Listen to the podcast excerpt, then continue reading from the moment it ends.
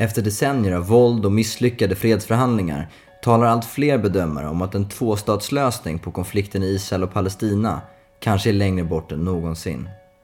Om vi spolar tillbaka bandet till början av 1990-talet då israeliska och palestinska ledare var med om att sätta igång den så kallade Osloprocessen var människor på båda sidor faktiskt rätt hoppfulla. Men över 20 år senare är situationen en annan.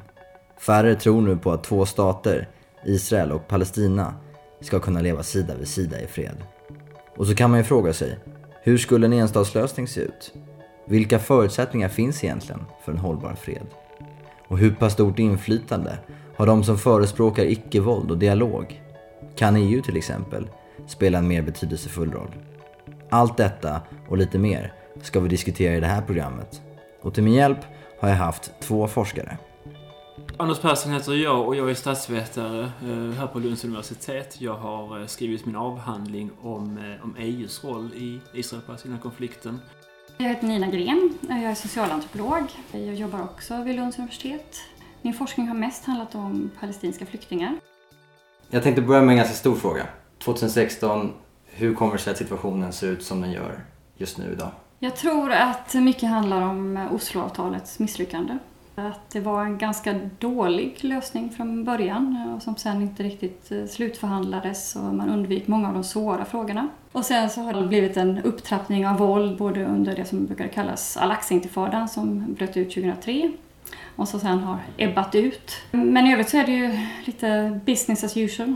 Eh, Israel fortsätter att bygga bosättningar och riva palestinska hus och hindra palestinsk rörlighet och palestinierna gör då och då eh, våldsamma attacker eh, för att protestera mot det och eh, däremellan en del mer fredliga initiativ och icke-våldsaktioner och sånt. Jag håller med om mycket av det som, eh, eh, som Nina sa. Eh, det man kan tänka på är ju att Osloavtalet medvetet gick inte in på någon av de man kallar för final status issues, alltså de slutgiltiga tvistefrågorna. De är normalt fyra stycken. Det är alltså Jerusalems status, det är flyktingarnas status, det är bosättningar och gränser. Ibland lägger man till vatten och, övergripande säkerhetsfrågor och sådär också. Så det avtalet på många sätt var det ju inget fredsavtal utan det var snarare ett avtal om ömsesidigt erkännande och begränsat palestinskt självstyre. Men det eh, som, som slår mig är att nu sitter vi idag dryga 20 år efter Osloavtalet och det förefaller som en palestinsk stat är längre bort än någonsin tidigare. Och det är också efter till exempel att EU har pumpat in i, i runda slängar en 100 miljarder svenska kronor för palestinsk statsbyggnad. Och det kan man ju fråga sig, med all rätt, vart de pengarna har tagit vägen och eh, vad vi skattebetalare i Europa har, har fått tillbaka eh, för den investeringen. Vad tänker du Nina? Håller du med om att det är längre bort än någonsin? Ja, absolut. Det är ju en väldigt hopplös situation. Alltså många palestinier i, de ockuperade områdena känner ju stor uh, ovisshet inför framtiden. Det är en dålig ekonomisk situation och politiskt väldigt uh, instabilt också. Och det leder då fram till att man tar till våld så småningom i frustration. Ändå är det ju tvåstatslösningen som politiker, beslutsfattare i då framförallt västvärlden fort, alltså fortsätter att, att tala om och trycka på som den enda tänkbara uh, utgången. Är det en rimlig inställning i, i dagsläget när det ser ut så? Det som är det knepiga är, är ju att vi här i väst vill ju ha en tvåstatslösning mer än vad människorna i Israel och på de palestinska områdena vill ha. Och framförallt vad deras ledare vill ha. Så vi pressar ju på för någonting som, så många inte stödjer på marken. Och det liknande projekt har, har vi sett tidigare i Irak och Afghanistan. Och det brukar inte gå så bra. Och det, det gör det inte nu heller. Men visar inte alltså, undersökningar att majoriteten stödjer tvåstatslösning fortfarande? Jo, det är väl nätt och jämnt fortfar fortfarande och det tenderar väl att bli, bli eh, färre och färre. Och samtidigt så visar ju också undersökningar att det är färre och färre som tror på freden. Det vill säga att man kan stödja en tvåstatslösning som någon typ av teoretisk modell i framtiden. Fastän man är väldigt pessimistisk om chanserna att, eh, att uppnå en sådan. Och alternativet, en stat. Är det det enda alternativet? Är det rimligt? Jag tror att man behöver tänka nytt helt enkelt. Behöver få nya alternativ. Eh, det finns ju diskussioner om en sorts eh, binationell stat. Att alla skulle få lika rättigheter i en stat men att man då skulle få behålla sitt, sin nationella identitet. Att palestinier är palestinier och israeler israeler men att man, man delar en stat. Och tvåstatslösningen är väl så död så att det, även om det skulle innebära otroligt mycket svårigheter och vara en väldigt lång väg dit så är det ändå mer troligt än en tvåstatslösning just nu skulle jag säga.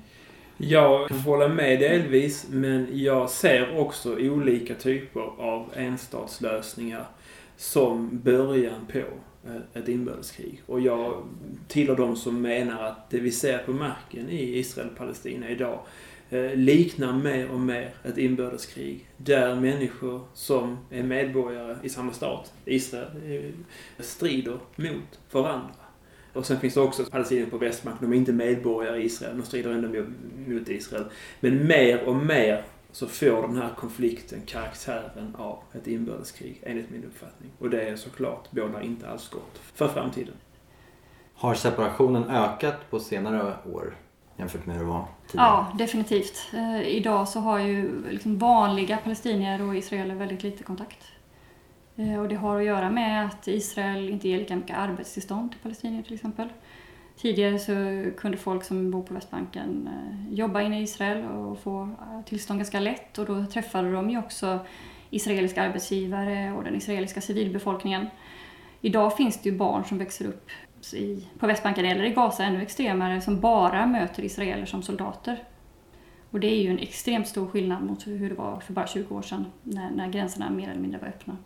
Så på samma sätt som palestinier kunde åka in i Israel och arbeta så åkte israeler och handlade i Gaza och på, på Västbanken på marknader och liknande där, där priserna var lägre. Och den typen av, ska vi kalla det, samexistens finns inte alls på samma sätt idag. Så man kan inte lägga en förhoppning till en ny ung generation som ska ha en, en helt annan attityd och inställning? Nej, jag tror inte det. Jag tittar man på opinionsundersökningar i Israel, det kom en ny för, förra veckan eller en vecka tidigare, där eh, eh det var väldigt hårdföra attityder bland, eh, bland unga människor som tenderar då att stå kanske ännu mer till höger än vad den genomsnittliga befolkningen gör. Så att sätta hopp till unga människor och tro att det ska lösas med sociala medier och så vidare, det tror jag inte på. Hur har eh, situationen i regionen, den bredare regionen påverkat eh, de båda sidornas agerande? Ja, jag vet inte riktigt. Det jag vet är att eh, palestinier i allmänhet har ju varit rädda helt enkelt för att speciellt kriget i, i Syrien ska sprida sig i Mellanöstern och den eh, risken finns ju fortfarande definitivt. Eh, och att de själva också ska dras in i det på, på ett eller annat vis. Sen har det ju fått eh, vissa konsekvenser för palestinsk diaspora, hur, den, hur de har kunnat leva i regionen. Det fanns ju en ganska bra situation för palestinska flyktingar i Syrien och de hade ganska mycket rättigheter och Assad ska man säga, eh, var välvilligt inställd till olika palestinska organisationer. Eh, men med kriget så har, det ändrat sig och många palestinier i Syrien har ju fått fly därifrån också. Och en hel del av de flyktingar som kommer till Europa idag har palestinsk bakgrund fast de kommer då ifrån kriget i Syrien. Ja, många bedömare var ju förvånade till en början att den arabiska våren inte spred sig till de palestinska områdena som då förblev väldigt stabila under de första åren eh, efter den arabiska våren, med undantag från ett krig i Gaza. Det jag ser som en av de stora grejerna här är ju att Palestina hamnar i allt mer medieskugga och blir allt mindre intressant för stormakterna. Då tänker jag framförallt på EU, på USA, för FN, för de olika stora arabiska länderna. Det är så många olika eldar som brinner i Mellanöstern nu, framförallt i Syrien, men också på andra håll, eh, som gör att Palestinafrågan inte är så viktig som den var förut. Och det tror jag är någonting som är nytt och det är någonting som vi får vänja oss vid. Och det är svårt att se konsekvenserna av det här. En konsekvens man kan dra är att Israels traditionella fiender är ju försvagade. Och till och med förintade i vissa fall, som den syriska regimen är ju kraftigt försvagad. Framförallt då vad gäller att kunna strida mot Israel. Och på samma sätt är det med andra länder i, Irak till exempel också, Israels gamla fiende. Flera av de här regimerna är kraftigt eh, försvagade. Och, det innebär ju också att de här traditionella hoten mot Israel från andra nationalstater finns inte på samma sätt längre. Och det är en, en, en förändring mot, eh, mot tidigare. Jag läste en intervju med en israelisk akademiker och intellektuell som sa att den arabiska världen befinner sig i ett upplösningstillstånd. Det finns ingen tillförlitlig, stabil fredspartner vi kan förhandla med. Vad tänker ni om den? Man har hört den förut kanske i och för sig. Ja, man har hört den förut. Och det är ett argument som Israel ofta använder, ibland som svepskäl för att inte behöva gå in i eh, kanske genuina förhandlingar. Dock så kan man ju säga att det är ju mer sant idag än tidigare. Det vill säga om Israel drar sig tillbaka från de ockuperade områdena så är man ju osäker eh, över vem som ska styra de här områdena i framtiden. Till exempel Golanhöjderna som är ockuperat av Israel sedan 1967 och som då tillhörde Syrien före det. Israel gick ut i förra veckan och sa att vi kommer aldrig lämna tillbaka Golanhöjderna till Syrien. Eh, och det är också någonting som är nytt och, som sker i ljuset av förändringarna i regionen. Men det är också något sätt att undvika att se att palestinierna faktiskt är den främsta eh, parten man skulle förhandla med kanske. Eh, och kanske ta ansvar för ockupationen, att man hela tiden skyller på att vi har ingen att förhandla med och därför kan vi inte Det är ett gammalt argument egentligen. Ja, ja. Men det talas ju samtidigt mycket om splittringen hos palestinierna. Mm. Hur ser den situationen ut i, i dagsläget? Ja, men den är stor. Eh, men jag tycker att det finns en sak som, som pratas alldeles för lite om när det gäller det palestinska samhället och det är ju att de inte haft något val på ganska många år nu. Att de är i skriande behov av ett nyval, skulle jag säga. Och kanske också behov av att eh, omvärlden faktiskt accepterar det valresultatet som blir. Att de själva får känna att, att andra tror på deras eh, försök till demokrati men man ska ju komma ihåg att varken Hamas-styret i Gaza eller Fattigstyret i Västbanken har speciellt mycket legitimitet nu. Sen kan man diskutera om det finns, man skulle också behöva kanske nya och yngre ledare. En del av de personer som skulle kunna bli nya ledare sitter i israeliska fängelsen. Som Marwan Barghouti till exempel. En del av de personer som kunde blivit ledare dödades under al-Aqsa-intifadan. Eh, så det finns någonting där som jag tror att eh, omvärlden kanske inte riktigt eh, inser allvaret av. Och även om det har varit lugnt i, i de palestinska områdena och inte blivit någon eh, arabisk vår eller så, så har det ju ändå varit en hel del strejker. Eh, nu senast var det en, ganska lång lärarstrejk för att folk inte får löner från eh, den palestinska myndigheten och sådana saker. Det har tidigare varit transportstrejker för ett par år sedan. Så det, det händer ju saker där också, även om det inte gör det på det mm, massmobiliseringen som vi såg i Egypten och så. På så vis kan man kalla det för en auktoritär stabilitet. Alltså det är en stabilitet som upprätthålls av en auktoritär regim. Eh, och då tänker jag alltså på den palestinska regimen då. Eh, och vissa kritiker menar att palestinierna i själva verket är under två ockupationer. En då från Israel och en då från den palestinska myndigheten som inte, precis som Nina sa, eh, idag kan göra anspråk på att vara en demokratisk regim längre. Och deras ledare, president Mahmoud Abbas, är över 80 år gammal och enligt uppgift så röker han inte mindre än två paket cigaretter om dagen. Så det har ju föranlett kraftiga spekulationer nu om vad som kommer att hända den dagen då han inte finns med oss längre. Och det förefaller som att den dagen kommer allt närmare, allt fortare. Kan man tänka sig att det ska kliva fram en ny generation av ledare då? Eller är det personer som svävar runt honom i samma, eh, säga, samma, samma gäng, samma, samma generation?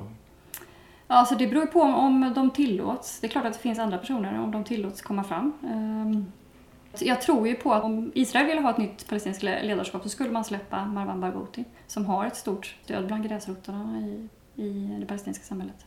Det är otroligt många palestinska aktörer också. Vi har ju mm. Fatah, vi har Hamas mm. och så har vi diasporan och så har vi flyktingarna och så har vi också araber med mm. israeliskt mm. medborgarskap. Hur ska man skapa en enad front ja. mellan de här? Är det möjligt? Det är oerhört svårt i alla fall. Eh, och det handlar ju om att eh, människor dels har olika rättigheter, eh, olika levnadsförhållanden. De personer som har palestinsk bakgrund som växer upp i Danmark med danskt medborgarskap har ju lite andra intressen än, än de som växer upp i Gaza, även om de kanske gärna vill tro att alla liksom är, har en gemensam nationell identitet, så, så är de ju väldigt splittrade. Eh, de politiska rörelserna är också splittrade. Falanger, falangen av Hamas i Gaza är inte nödvändigtvis samma sak som de som befinner sig eller har befunnit sig i Syrien. De allra flesta palestinier är ju enade på så vis att de är emot den israeliska ockupationen. Nästan alla eh, är ju det. Sen samtidigt när splittringen går mellan då det sekulära Fatah-partiet och det islamistiska Hamas så är det också en verklig splittring. Inte bara vad gäller intressen och partier och sådär utan också en splittring kring hur, hur själva samhällssystemet ska se ut. Ska det vara sekulärt? Ska det vara religiöst? Och utbildningssystem och, och, och så vidare. Det gör att det är väldigt lurigt att hålla val. För den sidan som förlorar riskerar att bli av med nästan allt inflytande. Som Hamas till exempel är ju en rörelse som har eh, egna säkerhetsstyrkor och e-, egna administratörer på nästan alla positioner i samhället. Och vad händer då med dem om man förlorar ett val? Blir de arbetslösa? Blir de då en del av, av det konkurrerande Fatah? Eller vart tar de vägen? Och på samma sätt är, är det med, med Fatah-partiet. Så det här med att man har olika fraktioner i ett samhälle som inte eh, lyder under samma statsapparat är någonting som är väldigt lurigt. Och också väldigt annorlunda om man till exempel jämför med hur vi föreställer oss en europeisk stat. Har det palestinska motståndet, eh, alltså strategierna, har de förändrats de senaste tio åren? Kanske ännu mer senaste, alltså ännu mer aktuellt de senaste åren här? Ja, eh, självmordsbombningarna har ju upphört. Eh, det har man väl insett att det var en ganska dålig strategi helt enkelt. Att det skapade mer problem för palestinierna än, än vad det liksom gav för positivt. Och sen har det ju dels varit en strategi som riktat sig mot, mer mot internationella organ, mot FN. Eh, erkännande av Palestina i olika FN-organ och olika länder som man gärna vill eh, erkänna Palestina eh, som stat. Sen kan man också se att det har varit vissa icke-våldsaktioner som har blåst liv igen. Till exempel då att man, vissa byar som har legat väldigt nära, eller ligger väldigt nära israeliska bosättningar och där den israeliska staten konfiskerar mer land så har man börjat organisera sig eller, de senaste åren och demonstrerar eh, någorlunda fredligt då, åtminstone en gång i veckan. Och sen finns det andra personer som har försökt lite så mindre aktioner med med liksom inspiration från eh, medborgarrättsrörelsen i, i USA. Till exempel en sån bussaktion där eh, palestinier gick på en buss som egentligen bara är avsedd för personer med israeliskt medborgarskap och vägrar stiga av. Eh, med liksom referenser till Rosa Parks i, i USA. Parallellt med den här utvecklingen så har vi också sett att Hamas har blivit successivt mycket starkare i Gaza eh, under en lång tidsperiod och, och skaffat sig mer sofistikerade vapen i termer av raketer och missiler och granater och liknande. Och det har ju också höjt insatsen i varje krig mot Israel som vi har sett nu 08, 12 och 14. Hamas har blivit starkare och starkare för varje konfrontation. Nu är man för tillfället väldigt isolerat och det har att göra med att, att regimen i Egypten föll. Regimen eh, under det muslimska brödraskapet. Och det har ju försvagat Hamas kraftigt. Men det Hamas har byggt upp i Gaza är ju de facto en palestinsk stat. Inte erkänd, men, men likväl de facto en palestinsk stat. Mm. Problemet är att Gaza utgör 1% av det historiska Palestinaområdet. Så det är ju långt, långt, långt mindre än, än vad eh, palestinierna vill ha. Mm. Min erfarenhet av Gaza är ju att det är ett väldigt splittrat samhälle. Att folk är väldigt oense om eh, politik och eh, hur man ska leva sitt liv. Så det finns ju också ett, även om Hamas är väldigt starka så är det inte nödvändigtvis så att alla håller med dem. Nej, så är det ju. Mm. Och, det går ju tillbaka lite till det som jag ser som den största utmaningen för Mellanöstern och då framför allt för arabvärlden. Det vill säga att hitta en modell för en stat som fungerar och som har legitimitet. Och det rör då frågor som till exempel vad ska man ha för ekonomiskt system?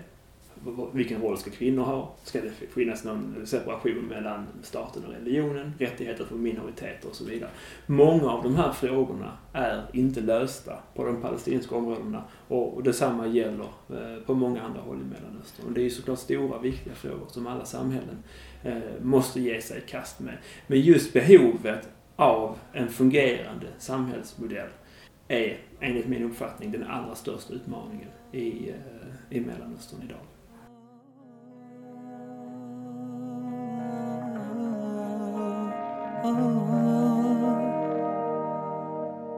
ولما تلاقينا على سفح رامة وجدت بنان العامرية أحمرا فقلت خضبت الكف على فراقنا.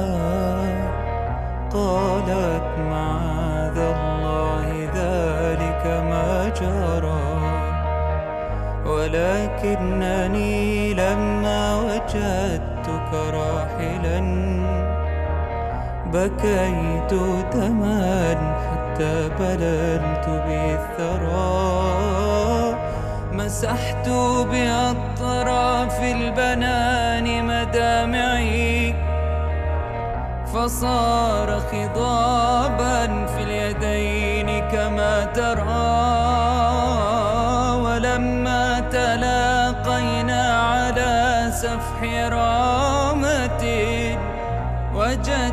بنان العامرية أحمرا فقلت خضبت الكف على فراقنا قالت معاذ الله ذلك ما Om vi hoppar till det israeliska eh, kontextet och ledarskapet framförallt. Eh, Där har ju politiken rört sig högerut eh, senare år.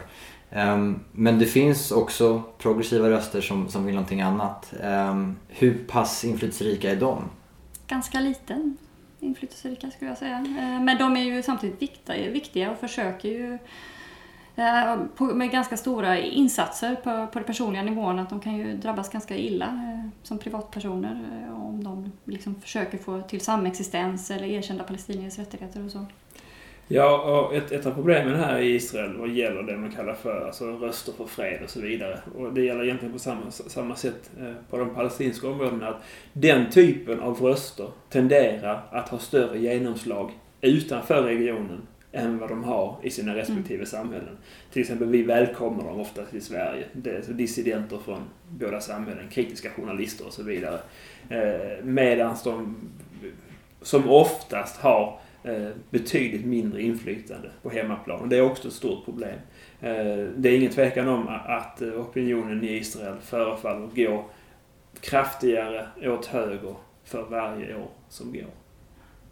Och hur, hur påverkar det här israeliska samhället? Alltså? Framför allt om man tittar på den allra största frågan, alltså ockupationen av de palestinska områdena, så Israel idag är ju närmare, enligt min uppfattning, att permanent behålla kontrollen över Västbanken än vad man är att helt lämna tillbaka, eller dra sig tillbaka från Västbanken.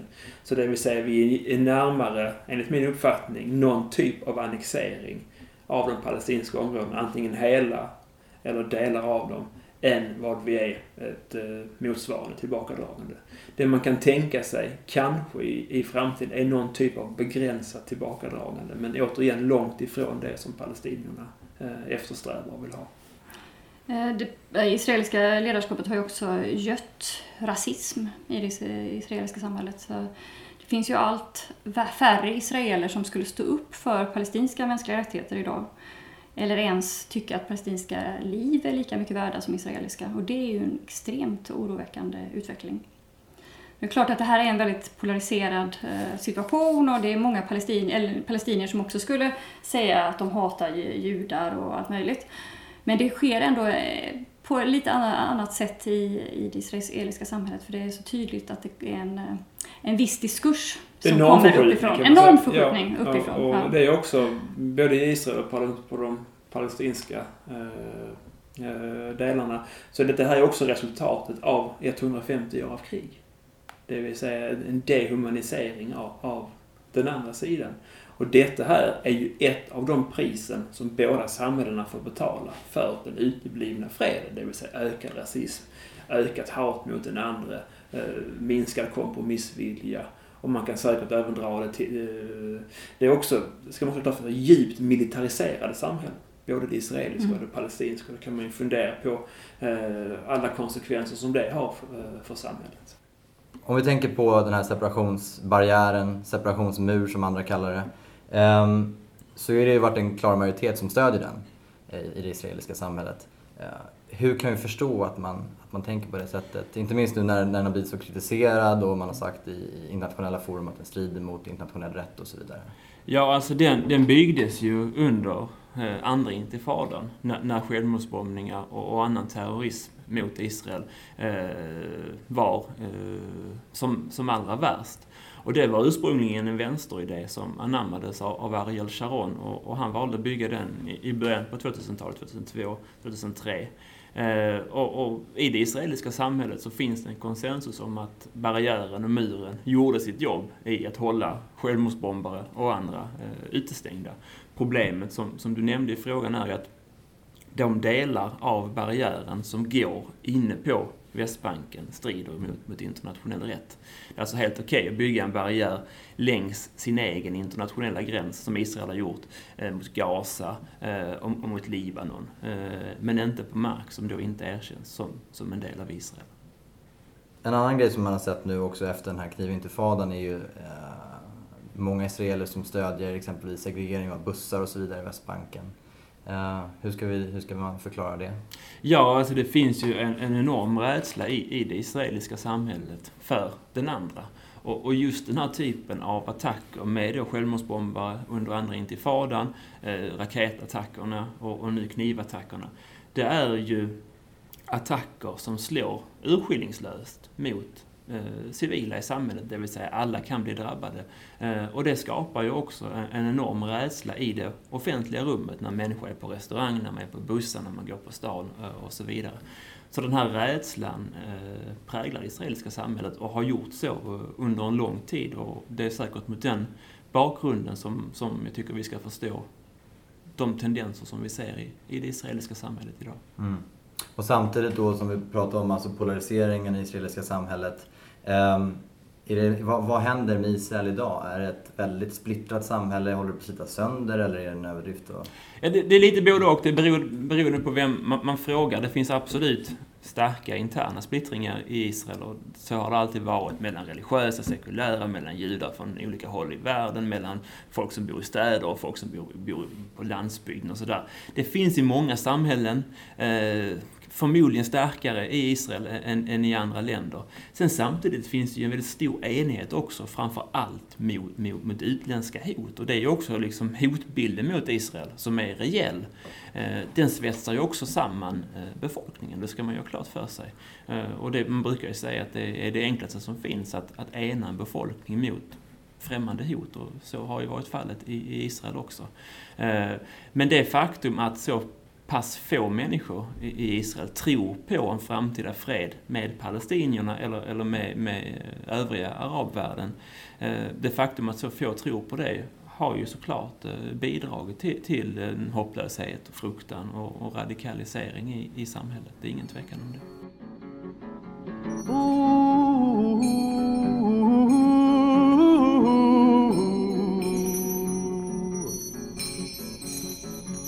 עד אדמה בלב המדבר ללא צלץ, ללא מטר.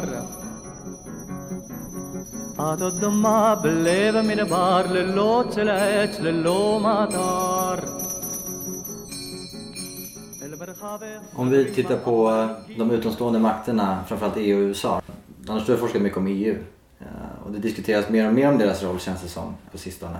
Hur tolkar du deras förhållningssätt? Har det förändrats de senaste åren på något sätt? Nej, men jag tror att det håller på att förändras kraftfullt. EU har ju varit den ledande aktören, som vi nämnde tidigare, vad gäller finansieringen av den palestinska myndigheten. Man har, som jag sa tidigare, pumpat in över 100 miljarder kronor, vilket är enorma summor. Särskilt om man går in och kollar på per capita-nivå.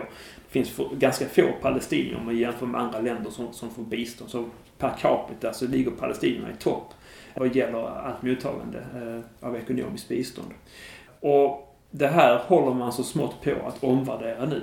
Det vill säga EU-länderna och EU-ledarna frågar sig själva, är detta här hållbart i längden? Och det är det inte. Det, det, det förstår eh, de allra flesta. Så, så frågan är, vad, vad kommer härnäst? Och det är lite av en öppen fråga, precis som eh, vad som kommer hända med det palestinska ledarskapet. En grej som EU börjat göra mer och mer och som jag tror kan vara betydelsefull för framtiden är att man skiljer på det man kallar för det internationellt erkända Israel inom 1967 års gränser och det man kallar för det icke internationellt erkända Israel, vilket då är ockupationen av de palestinska områdena. Låt oss komma ihåg att fastän vi talar om en palestinsk stat och fastän Sverige har erkänt en sådan så finns det ingen palestinsk stat på kartan. Och det finns enligt de allra flesta bedömare inte heller någon verklig palestinsk stat. Utan det är områden som är ockuperade av Israel idag. Det finns ju många som vill att EU ska ta en mycket mer aktiv roll och att det finns många mer verktyg som de kan Mm. utnyttja sig av. Ja, vi ser att de verktygen börjar man använda så smått. Man till exempel har villkorat forskningsmedel och sånt och sagt att, att eh, inga forskningspengar får gå till eh, israeliska verksamheter på de ockuperade områdena. Eh, och man har också börjat införa riktlinjer mot varor som är producerade i bosättningarna. Och, så det är ett par sådana här steg, symboliskt väldigt viktiga för att skilja på Israel och eh, de ockuperade områdena. Man ska ha klart för sig att EU är ju världens största ekonomi fortfarande, trots allt elände vi har här i Europa. Och man är Israels största handelspartner också. Och det gör ju att man har enorm, enorma maktmedel till sitt förfogande om man vill använda dem och om det är möjligt att använda dem. Och det är en lite separat diskussion men vi har ju börjat, enligt min uppfattning, så har EU börjat använda sina ekonomiska maktmedel. Fortfarande i väldigt sm- liten skala men återigen, det finns en skillnad här. Vad tänker du Nina?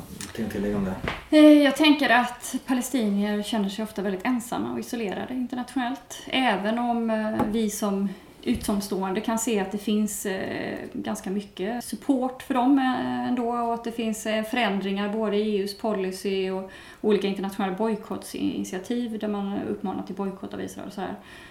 Men att palestinierna, deras känsla av är att det är ingen som lyssnar på dem, det är ingen som ser oss eller, eller ser vad som händer här. Fast det samtidigt har skett så otroligt mycket. Inte minst då när det gäller sociala medier. Det kan man ju se bara de senaste krigen eh, mellan Israel och Hamas i Gaza. Att det senaste så var det ju otroligt mycket mer bilder som kom ut eh, via Twitter och Facebook och allt möjligt än vad det var bara ett par år tidigare. Och då kan man dessutom jämföra med hur det var under den första intifadan, det första palestinska eh, upproret i slutet av 80-talet och början av 90-talet. Där folk ju knappt hade en vanlig markbunden telefonlinje. I det flyktingläget där jag jobbade så fanns det två telefoner och det är alltså ungefär 9000 människor som bor där nu. Vilket är flyktingläger? Eh, I Deheshe, Okej. som ligger strax utanför eh, Betlehem. Mm. Eh, Så då var man ju tvungen att gå, gå till liksom ett café för att ringa. Och idag har alla smartphones, folk har internet hemma. Och även om det kan vara problem med de linjerna ibland så får man ju ut information på ett helt annat sätt. Men att Palestina kanske inte känner det riktigt lika mycket som vi utifrån ändå gör. En stor skillnad här också är att, alltså, är att stödet för palestinierna har förändrats ifrån att vara ett nationalistiskt stöd för eh, en palestinsk stat och för palestinskt självbestämmande till att bli allt mer av en rättighetskamp. Det vill säga man kämpar för eh, olika typer av rättigheter. Och då får man också nya allierade. Man ser till exempel på universitet i USA så allierar sig traditionella propalestinska grupperingar allt mer med till exempel svarta rörelser som Black Lives Matter och liknande. De för en gemensam kamp för sina rättigheter. Och det är en ny typ av rörelse eh, Eh, som har vuxit fram. Och det är en ny typ av aktivism som är mer eh, rättighetsbaserad och mindre nationalistisk, eh, skulle jag vilja säga. Man ska också, vi ska vara ärliga och säga att i takt med att den palestinska kampen islamiserades under den andra intifadan och i takt med att Hamas och Islamiska Jihad växte sig starkare självmordsbombningarna kom igång i stor skala på mitten på 90-talet. Då tappade palestinierna också väldigt mycket stöd i, i västvärlden. För här i västvärlden eh, finns en väldigt liten acceptans för den typen av grupperingar och allra särskilt efter 11 september-attackerna då de här grupperna hamnade på terrorlistor och, och, och så vidare. Eh, Så vi ser också en förskjutning i eh, stödet och solidariteten eh, för palestinierna runt om i världen. Man kan väl säga att det kanske är en sorts globalisering, eller att ha med globaliseringen att göra, att eh, mänskliga rättigheter är en så viktig rättighets, rättighetsperspektiv idag som har fått så mycket eh, betydelse på så många platser i världen. Eh, och därför är det liksom lätt, lättare för palestinierna att hänvisa till mänskliga rättigheter än till det här nationalistiska projektet som ju för många idag kanske känns lite förlegat på vissa sätt. Medan väldigt många andra människor pratar om sig själva som kosmopoliter och världsmedborgare och att eh, vi reser mer, vi vill vara del av en globaliserad värld så håller de fast vid det här nationalistiska, väldigt patriotiska projektet. Men mänskliga rättigheterna är ju ett sätt där man kan möta andra människor i andra delar av världen. Och det är enande också. Det är återigen ja. en sån här grej som alla palestinska ja. kan, kan hålla med om. Att vi kämpar för mm. palestinska mänskliga rättigheter oavsett vilka de är. Liksom. Jag tänkte, apropå enande, så tänkte jag att vi skulle lyssna på Bassam Aramin. Eh, som är en av medgrundarna till Combatants for Peace. En organisation som samlar för detta soldater både, från båda sidorna. Eh, han är också med i någonting som heter eh, Parents Circle som består av föräldrar som har förlorat anhöriga på, på båda sidorna. We have a lot to do. First of all, uh, between uh, groups like us, it's very difficult to because of the separation walls. Uh, we have the stereotypes. We are total in, in total cut off Israelis from Palestinians. Uh, we don't know each other. We don't recognize the humanity in each other, which is a big disaster. And we don't have, as organization, the tools, uh, the media, let me say, to explain that there is another voice in Israel and there is another voice in Palestine to let these people have some hope.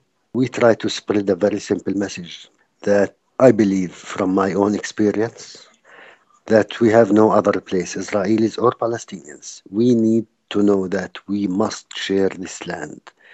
As one state, the people who believe in one state. As two states, the people who believe in two states. As five states, whatever. Otherwise, we will share the same land as two big graves to our kids and our families. Then we will understand that our lives, our kids, is more important than any holy land. And this is our philosophy in uh, the parent circle and combatants for peace, we have a strategic goal to create a reconciliation framework to be an integral part of, uh, in any peace agreement in the future. Because any peace agreement not included a reconciliation process, it will be only ceasefire. And I hope, I wish to have a ceasefire, but if we are talking about lasting peace, we need to have a reconciliation process because we learn from other conflicts around the world, which sounds crazy or uh, too much to talk about reconciliation now without peace agreement under these atrocities and brutality and the tough situation. Always I said there is no reconciliation under the occupation, but we need to prepare the Israelis and the Palestinians that in one day we need to go for reconciliation. We need to know that we are not victims. We don't need to act as victims. And we are strong people. And always I said to the people who don't believe that in one day we will have peace, the Israelis didn't kill six million Palestinians. And the Palestinians didn't kill six million Israelis. And today we can see that we have a German ambassador in Tel Aviv, but we have an Israeli ambassador in Berlin. So we can do it hmm. also. We ask the people don't be pro Israelis, don't be pro Palestinians, be pro peace, justice, humanity, human rights for both sides. And to support one side against the other side, you just don't help us, you don't help the side that you even uh, support. And in the same time, don't keep silence. Always remember what Martin Luther King says that in the end we will remember not the words of our, our enemies but the silence of our friends. We are not a soccer team here. We are dying. We are killing each other so we need to support peace and justice Bassam Aramin då som är från Combatants for Peace och eh, Parent Circle. Han är inte heller vem som helst som är med i de här utan han Hans tioåriga dotter blev då eh, dödad 2005 av en israelisk eh, soldat. Och han, han samarbetar då med israeler som har ungefär en motsvarande situation. De har förlorat barn till exempel i självmordsattacker och så vidare. Och de försöker nu samlas då skapa dialog, gå ut i skolor, prata med, med ungdomar och så vidare. Vilken roll tror ni den här typen av försoning kan spela för att nå en, en politisk lösning på konflikten? Just nu så vet jag inte om jag tror att eh, det har en jättestor roll.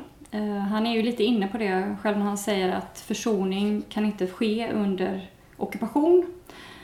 Eh, För man måste ju komma ihåg att det finns väldigt stora obalanser mellan Israel och palestinierna. Eh, Det är ju inte, som har sagts innan, två stater med varsin armé utan, utan det, Israel är faktiskt en ockupationsmakt.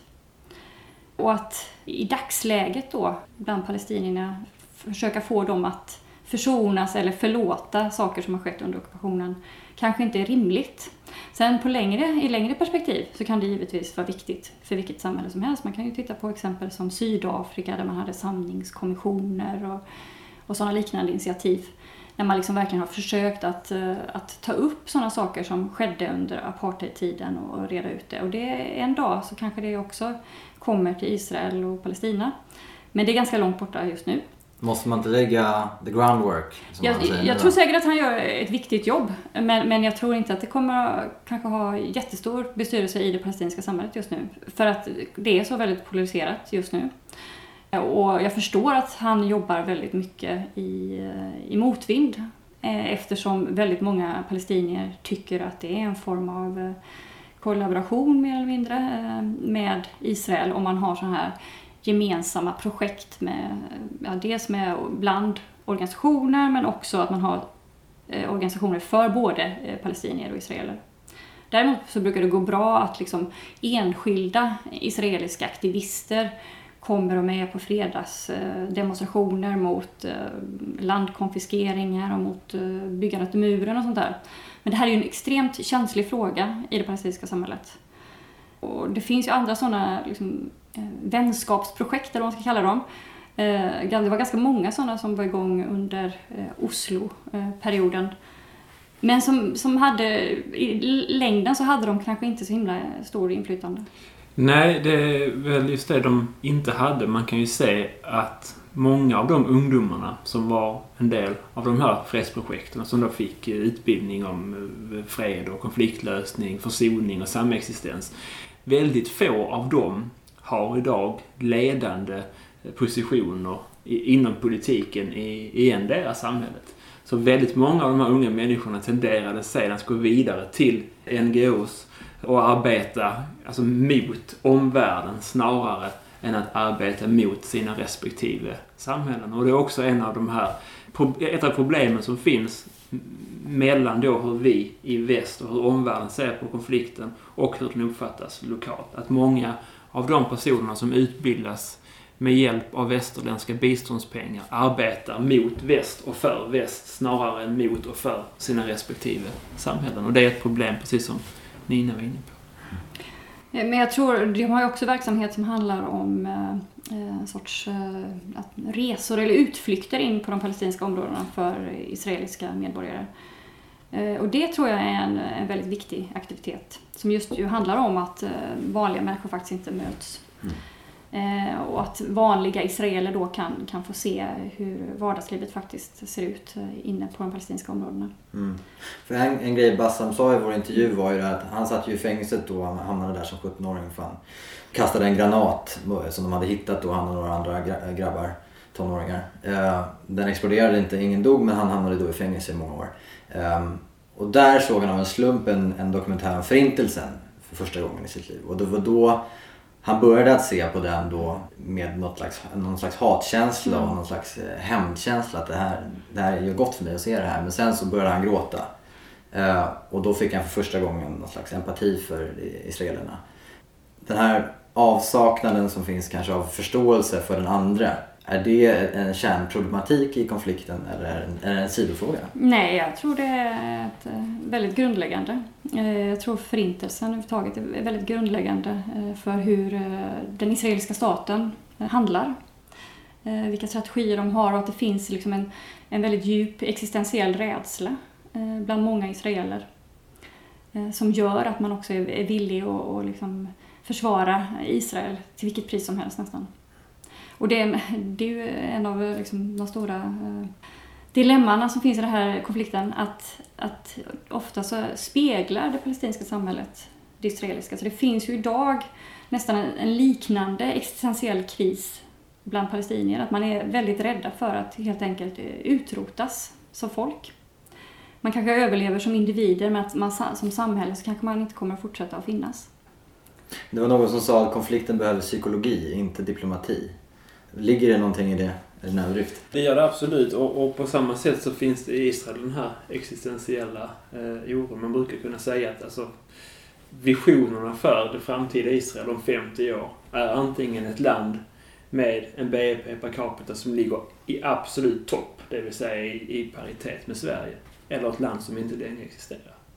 Så de här två visionerna av Israel, där är ingen som i dagsläget vet vilken av dem, om ens någon av dem, som kommer att realiseras. Så den här existentiella oron är absolut väldigt viktig på båda sidor. Och det föder ju också ett tänkande som är oss eller dem. Det är antingen oss eller dem. Och det tänkandet är väldigt farligt vad gäller att legitimera olika typer av våldsdåd och, och liknande. Och det sliter ju också leden och det, det eh, skapar en hårdnackad politik mot politiska dissidenter och oliktänkande och, och, och så vidare. Om man ska säga någonting positivt eh, om det palestinska samhället så, så, tycker jag i alla fall att det var har varit väldigt tydligt i olika perioder att eh, även om det sker våld, väldigt mycket våld runt omkring folk så, så ändrar de sig faktiskt när det gäller eh, liksom, hur hårdnackade de är. Så att i vissa perioder när det hade varit mycket utgångsförbud till exempel eller folk i närområdet hade dödats eller under attacker mot Gaza och sånt så kunde folk vara extremt extremistiska liksom, och väldigt hatiska eh, mot Israel. Och i andra perioder när det liksom hade lugnat ner sig lite så kunde kanske samma individ som hade skrikit ut sitt hat mot Ariel Sharon säga att ja, men man måste ju förstå de israeliska mödrarna också som, som förlorar sina söner. Så att jag, jag, tror att även om vi pratar om psykologi så är det inte fastlåst utan psykologin kan ju ändra sig. Men att det också kräver att folk i båda samhällena känner att det finns någon sorts rättvisa. Och hur den, hur den ska se ut det är ju en öppen fråga. Asymmetrin här mellan parterna är ett av de stora problemen som Nina var inne på innan. Att, att Israel är så mycket starkare än palestinierna. Och det styrkeförhållandet har blivit ännu mer skevt sen efter den arabiska vårens utbrott. Och det innebär att palestinierna idag är så svaga att många förmodligen är beredda att acceptera lösningar som eh, från deras synvinkel är eh, mycket mer generösa mot Israel än vad som var fallet tidigare. Och vi ska också komma ihåg att för varje dag som går så växer bosättningarna ytterligare. Och det innebär ju att det, det finns, om man ska säga, det finns allt mindre mark kvar för en framtida palestinsk stat. Och det är också någonting som palestinierna ser varje dag. De här påtryckningarna då, eller de här försöken, palestinska försöken framförallt i internationella forum, kan de ge reella resultat tror du? Ja, alltså de skapar ju resultat i så mått att de får opinionen eh, att gå väldigt kraftigt emot Israel. Om man tittar på olika opinionsundersökningar runt om i, i Europa så är ju som regel opinionen väldigt kritiskt inställd till, till Israel. Och vi ska också ha klart för oss att det, att det finns inget land i hela världen som erkänner Israels ockupation av de palestinska områdena. Och det finns inget land i världen som erkänner legitimiteten och legaliteten i Israels bosättningsbyggande.